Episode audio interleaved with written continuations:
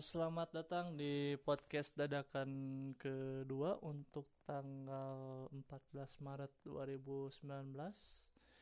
Masih dengan uh, pembawa podcast yang sama, Irwan.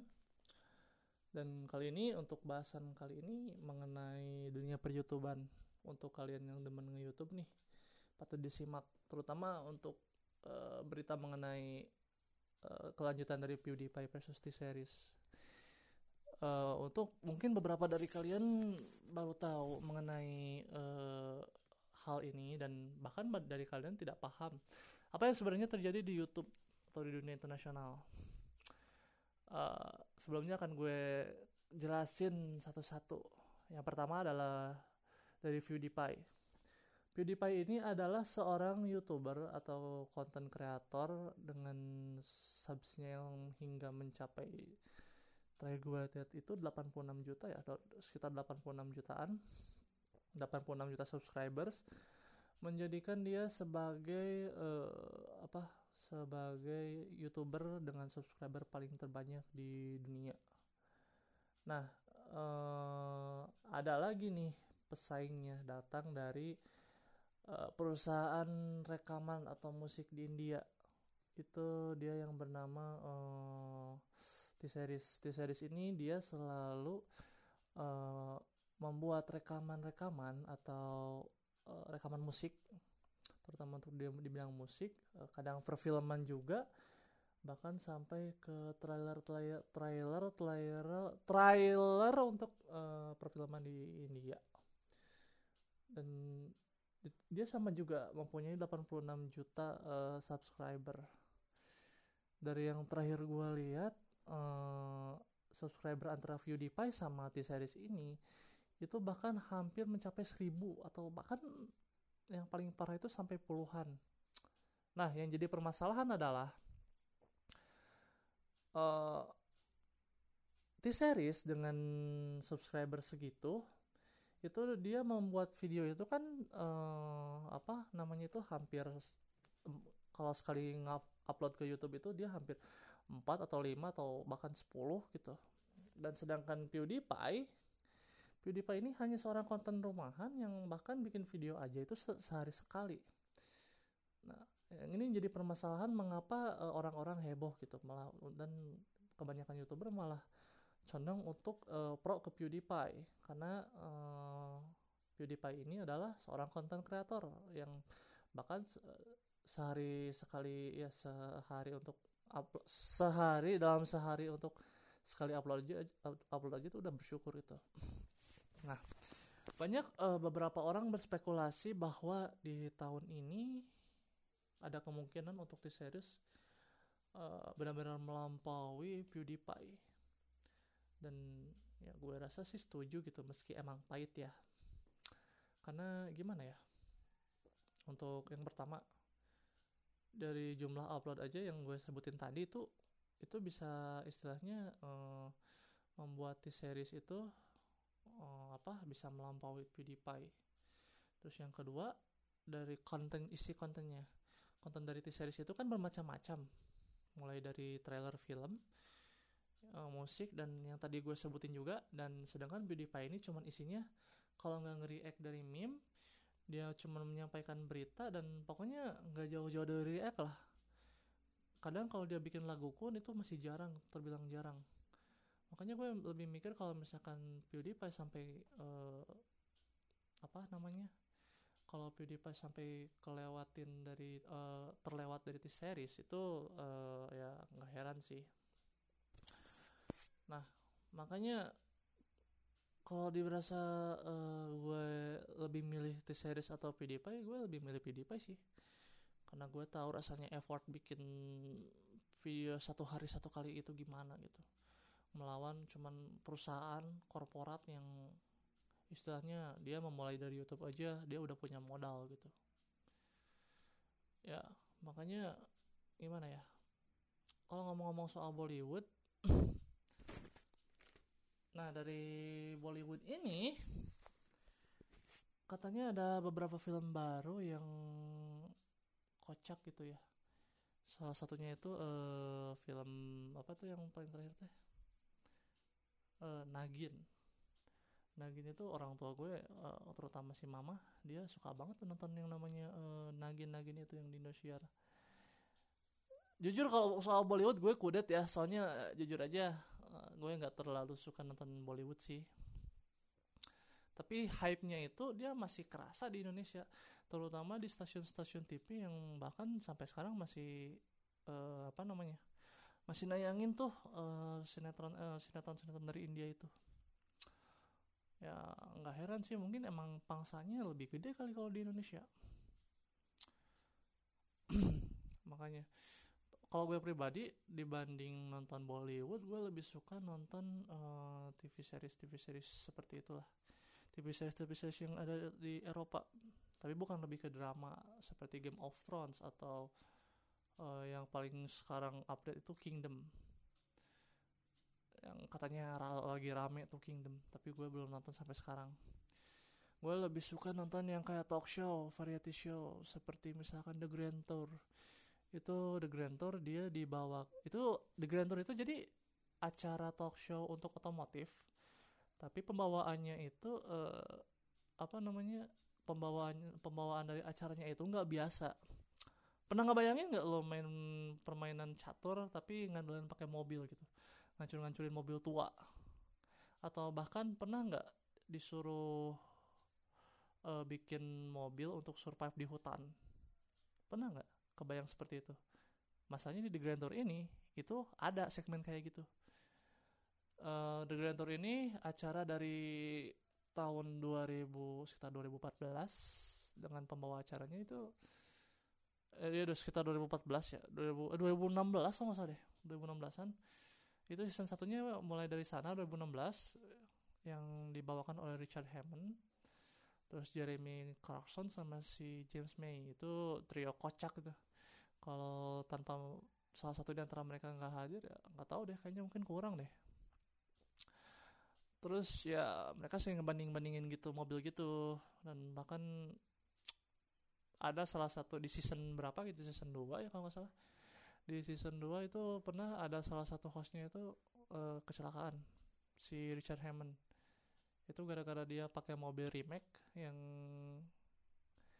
ya rematch gitu. Kalau dalam bahasa kalau ditulis kalau ditulisnya itu rematch uh, remake itu dia terlalu melaju kencang pada saat uh, mau sudah melewati garis finish. Dan itu gila men.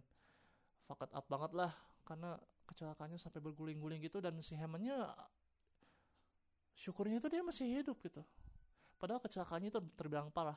Uh, lo mungkin bisa lihat lah di YouTube uh, mengenai kecelakaannya itu sumpah sih parah men.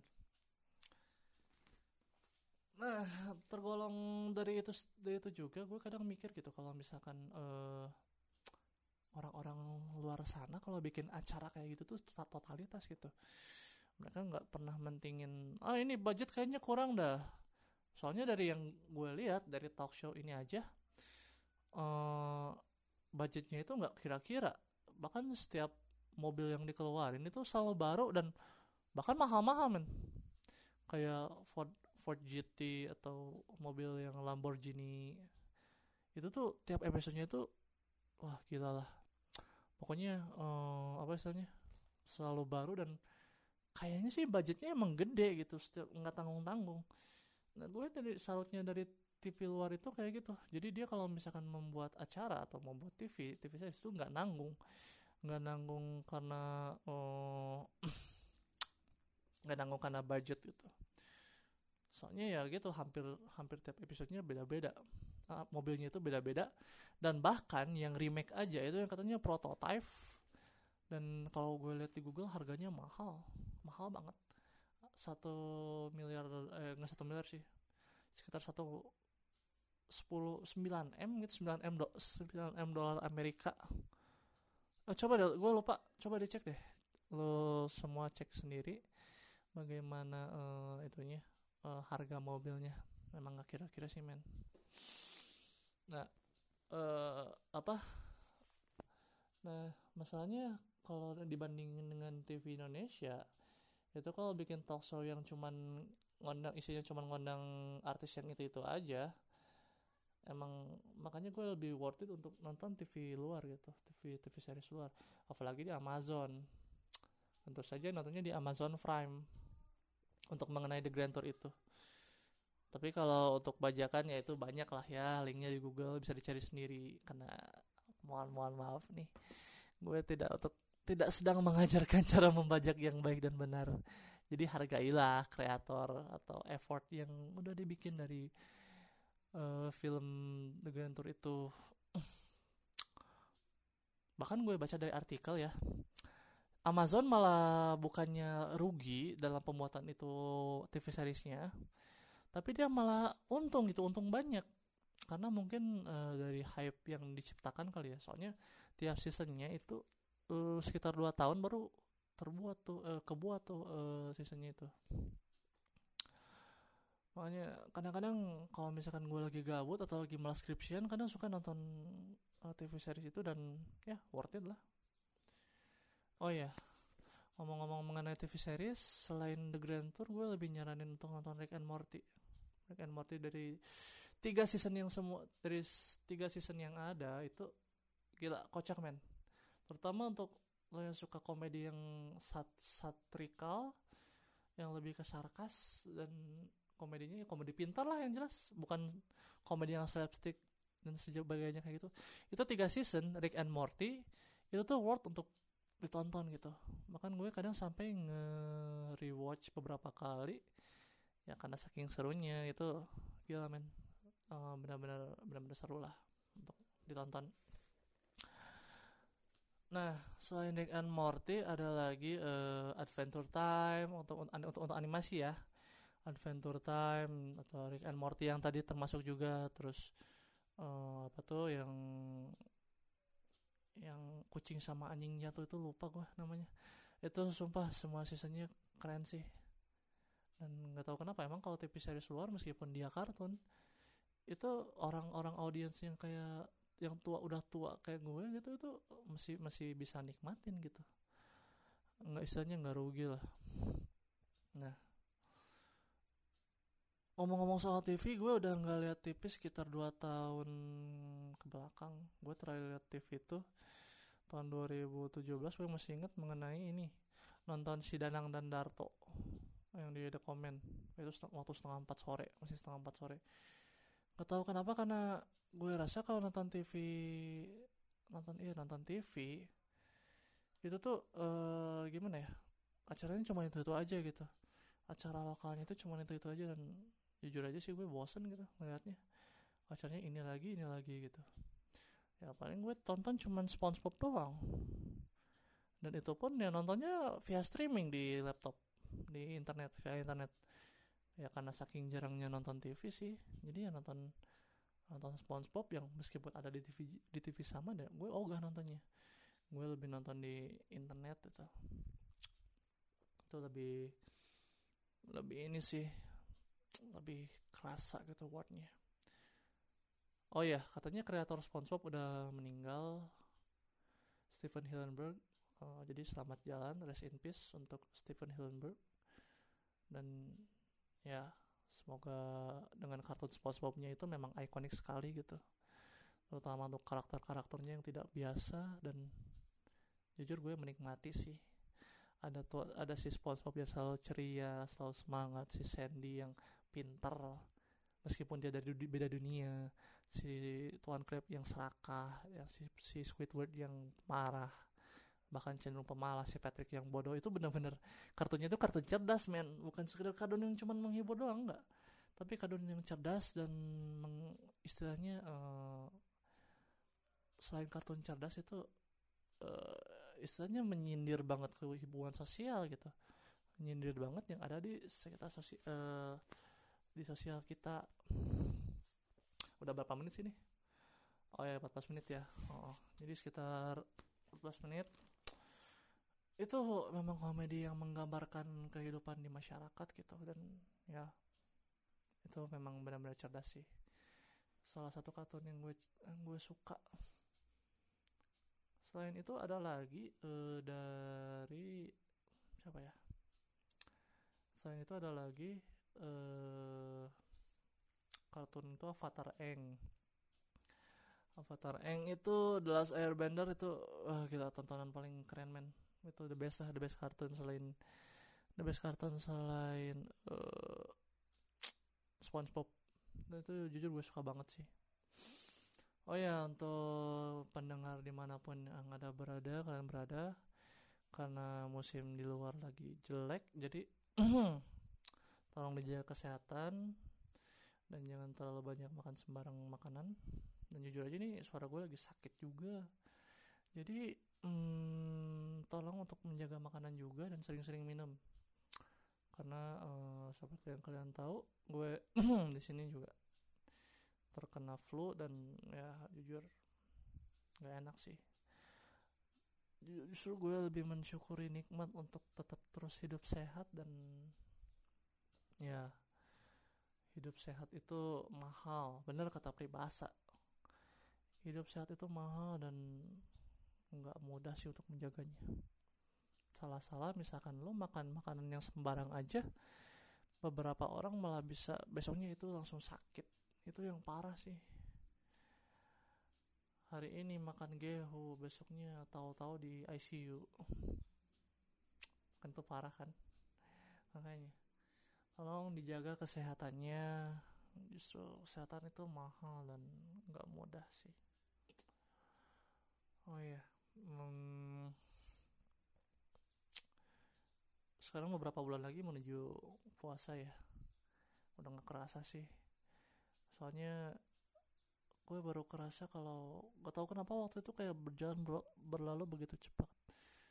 Yang ngerasa hari ini uh, yang dulunya mungkin kemarin kemarin masih suka ngerental PS tahu-tahu udah punya PS sendiri di rumah gitu. Karena dulunya masih cuman cuman bocah yang taunya cuman main doang dan minta duit ke orang tua ya sekarang malah jadi orang tua yang ngasih duit ke anaknya dan punya dan udah punya penghasilan sendiri. Ya nggak tahu kenapa emang kalau waktu makin sini tuh makin berjalan itu begitu begitu cepat sih ya mungkin uh, adalah satu suatu saat untuk pendengar barangkali mungkin pendengar di sini yang ada yang masih muda dan uh, masih muda dan ya masih umur-umur SMA lah masih dede-dede unyu. Mungkin pas beberapa tahun kemudian atau beberapa ya beberapa tahun kemudian mungkin masih dengar podcast ini dan ternyata umurnya udah menikah gitu dan udah punya punya anak bahkan. Mungkin umurnya udah tua dan udah punya nikah. Ya mudah-mudahan podcast ini masih adalah sampai menemani kalian untuk hingga ke jenjang pernikahan. Oh ngomong-ngomong soal bola sih gue paling gak tahu kenapa sih gue dari dari dari kecil sampai sekarang itu gue paling kurang ahli dalam main bola. Bahkan kalau misalkan semenjak dari SD aja gue cuman bisanya itu di posisi back doang. Beda sama teman-teman gue yang cenderung di posisi penyerang atau di tengah gelandang tengah. Gue ditempatin selalu aja di posisi back. Nggak tahu kenapa. Entah karena mungkin uh, gimana ya mungkin emang jujur aja sih. Gue tahunya itu cuma nendang doang gitu. Kalau disuruh ngiring bola atau ngoper itu gue malah kaki gue kayak kesalip men. Kayak lo pernah kebayang nggak ada lo pas lo mau giring bola nih tiba-tiba di depan lo itu ada uh, kayak kardus atau apa pun yang ngalangin gitu ngalangin kaki lo buat ngoper gitu. Dan gue tuh ngerasa kayak gitu. Mungkin emang karena nggak bakat kali ya tapi ya mungkin gue mikirnya ya oke okay mungkin gue emang nggak bakat di main bola. Karena main bola itu gimana ya? Oh ya kenapa akhir-akhir ini uh, gue jarang main bola. Karena pertama kaki gue ini kena cantengan dan itu paling nggak banget lah buat main bola. Jangan kan main bola ya lo pakai sepatu aja sepatu dikit itu nggak enak men. Cantengan itu nggak enak. Pakai sepatu dikit lo lari aja dikit gitu. Aduh kerasa sakit kaki lo itu. Yakin dah. Orang-orang yang cantengan pasti ngalamin kayak gini. Terus ya kenapa gue males main bola ya itu karena pertama itu yang kedua karena gue udah gue udah nyadar diri. Mungkin gue nggak bakat di bidang sepak bola gitu. Bukan sampai ngeback aja gue kadang-kadang masih kecolongan gitu. Kecolongan karena eh lawan udah masuk dan gue nggak bisa ngehalangin ya pergerakan lawan gitu. Dan ya itu jujur gue sampai kadang-kadang jadi sering langganan buat jadi bahan di blame atau disalahin sama satu tim. Gak heran sih. Kadang gue udah nyadar diri soal itu dan ya makanya gue agak males itu. Ya kalau misalnya disuruh main bola mendingan mending main PES aja main PES 2019 main di PC itu lebih lebih lebih sengaja tuh buat lebih untuk gue ya sebagai pelampiasan gitu kan karena gue kan nggak bisa main bola di asli jadi ya main main digital aja gitu kan nggak kenapa enggak gitu. Oh ya ngomong-ngomong uh, barangkali di sini ada yang hobi main PES eh main game juga di sini? Main game yang bertema bola uh, ya bertema olahraga atau terutama untuk sepak bola? Gue sendiri di sini lebih senang mainnya itu football manager yang terakhir gue main itu football manager 2017 itu 2017 dan itu seru men. Terutama uh, katanya UI-nya itu lebih simpel dan memang mekanismenya agak sedikit dirumitin tapi ya masih enjoy lah untuk gue mainin gitu. Pernah gue membawa beberapa kali bawa tim tim tim besar kayak Barcelona itu kan tim favorit tuh. Barcelona terus mm, Marseille itu tim salah satu tim dari Prancis Liga Prancis. Marseille untuk juara atau bahkan dari tim kecilnya aja kayak uh, Watford atau Wolverhampton. Itu gue sering mainin dan juara sih. Juara selalu selalu juara gitu tiap musim. Ya walaupun kadang-kadang terdegradasi juga. Itu karena awal-awal gue nggak tahu bagaimana cara memanage tim yang baik gitu mungkin untuk ini untuk para tim bola untuk orang-orang di mana pun yang berminat jadi manajer sepak bola kalau kata gue sih uh, lo main football manager aja itu sedikit menggambarkan bagaimana sih uh, rasanya jadi manajer pemain bola meskipun cuman bentuknya itu hanya ya sekedar digital atau virtual gitu. Tapi bahkan katanya dengar-dengar ada salah satu pelatih luar sana pelatih bola luar sana. Itu awalnya dia awalnya karena sering senang main football manager itu pada akhirnya dia jadi manajer beneran. Kalau nggak salah namanya itu Andres Villas Boas deh. Itu katanya dia awalnya dari itu saja itu juga dari football manager. Ya toh pada akhirnya kan dia jadi ya jadi pemain eh jadi manajer bola beneran. Makanya kalau dibilang ngegame itu sepenuhnya adalah cuman buang-buang waktu atau buang-buang duit itu salah. Justru kadang-kadang ada beberapa game yang makan itu bisa jadi bekal untuk dibawa ke dunia nyata gitu. Kayak tadi football manager. Mm. itu malah uh, apa ya? Ya jadi bekal gitu bekal tersendiri. Nah omong-omong soal game uh, lagi rame-ramenya ya penca- uh, peresmian uh, e-sport atau gencarnya e-sport di Indonesia terutama untuk uh, yang di tahun ini yang tahun 2017 diresmikan oleh lembaga ISPA yang diresmikan oleh Pak Jokowi itu alhasil e-sport jadi kembali ramai dan berkembang. Itu yang paling ramai terutama di bagian ML di Mobile Legends Mobile Legends uh, dan beberapa game lainnya seperti Dota atau AoV atau yang kayak gitu. Itu udah mulai rame dan sekarang tidak ada alasan untuk bilang kalau game itu cuma buang-buang waktu dan buang-buang uang. Gak sekarang lo bisa bilang kalau ke orang tua lo ya kalau lo misalkan serius nih ngegame serius-serius di bidang game lo bisa bilang ke orang tua kalau hari itu ngegame bisa ngasilin uang gitu. Bukan cuma buang-buang waktu aja dan sekarang yang lagi gue yang lagi rame itu uh, pertandingan piala dari SPA antar kampus ya Indonesian Electronic Sport uh, University IL kalau nggak salah. Indonesia S Indonesian eh, Sport League kalau nggak salah tapi antar University IL University Series. Dan bahkan itu antar kampus loh. Maksudnya bukan bukan cuman bocah warnet atau bocah atau bocah-bocah tim Monet atau tim-tim Monet yang main itu itu bukan ini malah jadi dari mahasiswanya sendiri gitu yang bermain antara kampus mm, yang antara kampus dan mainin itu semua ya mainin uh, Mobile Legend eh ya mainin ngegame itu itu tuh dan memperebutkan uh, hadiah sekitar 1 m totalnya itu 1 m. Men lu misalkan uh, dengan total hadiah segitu kalau misalkan lo menang nih kira-kira itu uangnya mau dipakai apa? Bahkan kalau kata si Coki Muslim selaku caster di sana bilangnya kalau lo nggak perlu nggak perlu kuliah lo bikin ijazah palsu aja jadi tuh. Tapi gue pribadi nggak ini ya nggak nggak merekomendasiin ya. ya jelek lah. Orang lain kuliah capek-capek 4 tahun dan lo seenak jidat gobloknya bilang seenak seenaknya uh, cuman bikin ijazah palsu doang modal ijazah palsu doang. Tapi dengan uang segitu tuh worth it man. Bahkan lo untuk bayar SPP beberapa tahun ke, ke depan itu masih kebayar lah. Maksudnya lo, lo kuliah ya udah kebayar gitu. Kebayar tuh oh, uang 1 m dari uang 1 m itu.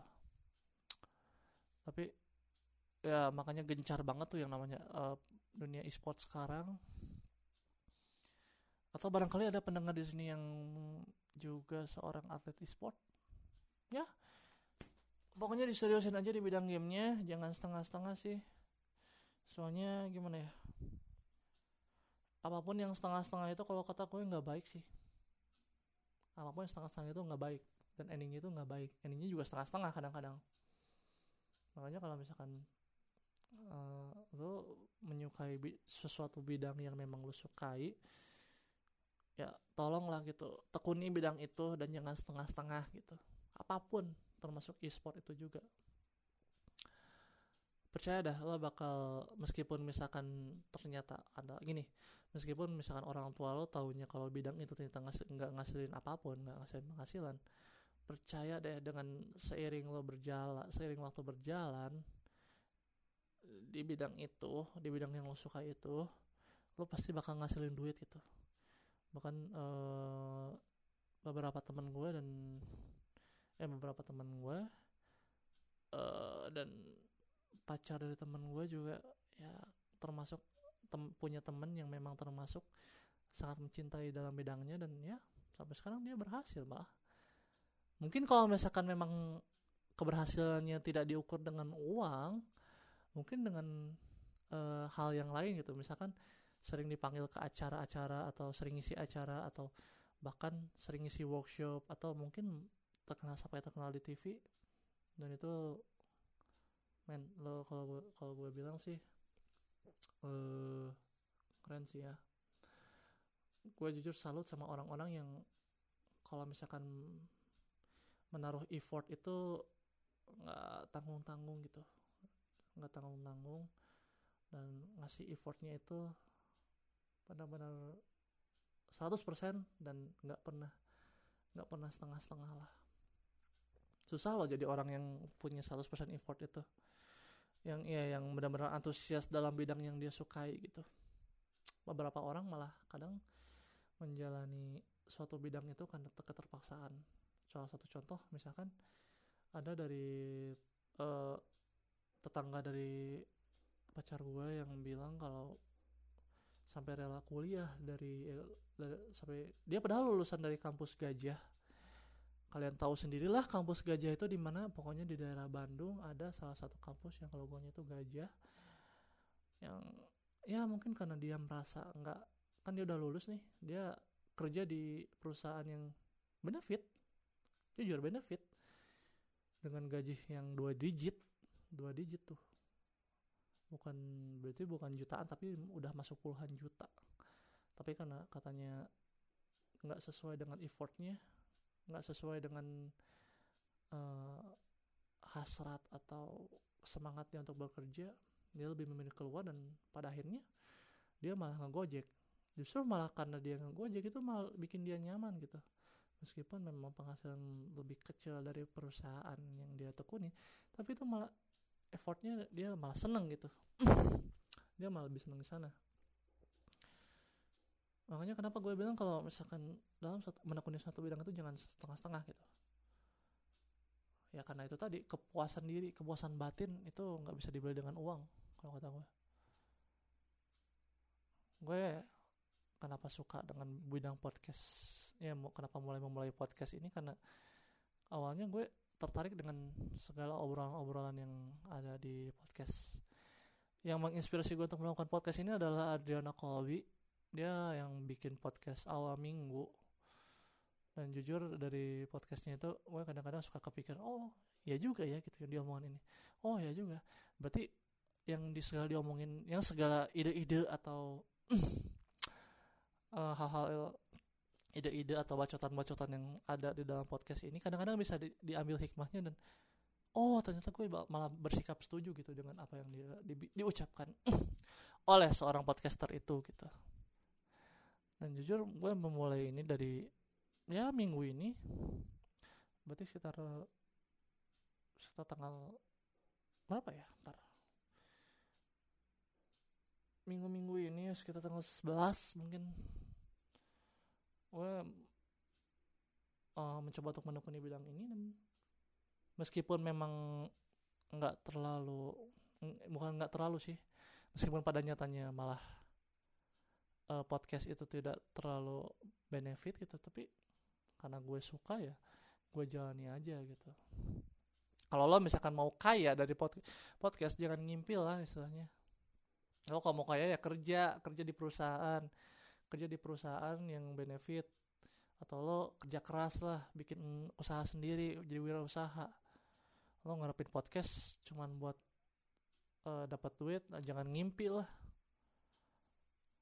Pokoknya gitulah uh, kenapa alasan gue pengen jadi podcaster? Ya mungkin segini aja kali ya uh, yang bisa gue sampaikan. Jujur suara gue lagi nggak enak gara-gara uh, musim yang enggak gara-gara musim yang enggak mendukung jujur aja makanya makanya nggak enak sih. Dan ya sekarang mungkin gue udahin dulu podcast episode 2 kali ini. Uh, thank you yang buat dengerin. Jangan lupa oh ya kita udah punya channel YouTube sendiri. Gue uh, taruh link deskripsinya di bawah untuk yang pendengar di SoundCloud maupun Anchor Anchor.fm atau di iTunes. Gue akan taruh deskripsinya di bawah. Di like follow subscribe dan untuk kita semua uh, semoga sehat selalu di siang ini. Pukul berapa sih sekarang? Enggak siang sih sekarang ya oh ya udah termasuk sore ya? Setengah tiga sore. Di sini gue tapping ini di setengah tiga sore. Dan semoga terus sukses selalu untuk kita. Dan sampai jumpa di podcast berikutnya. Dadah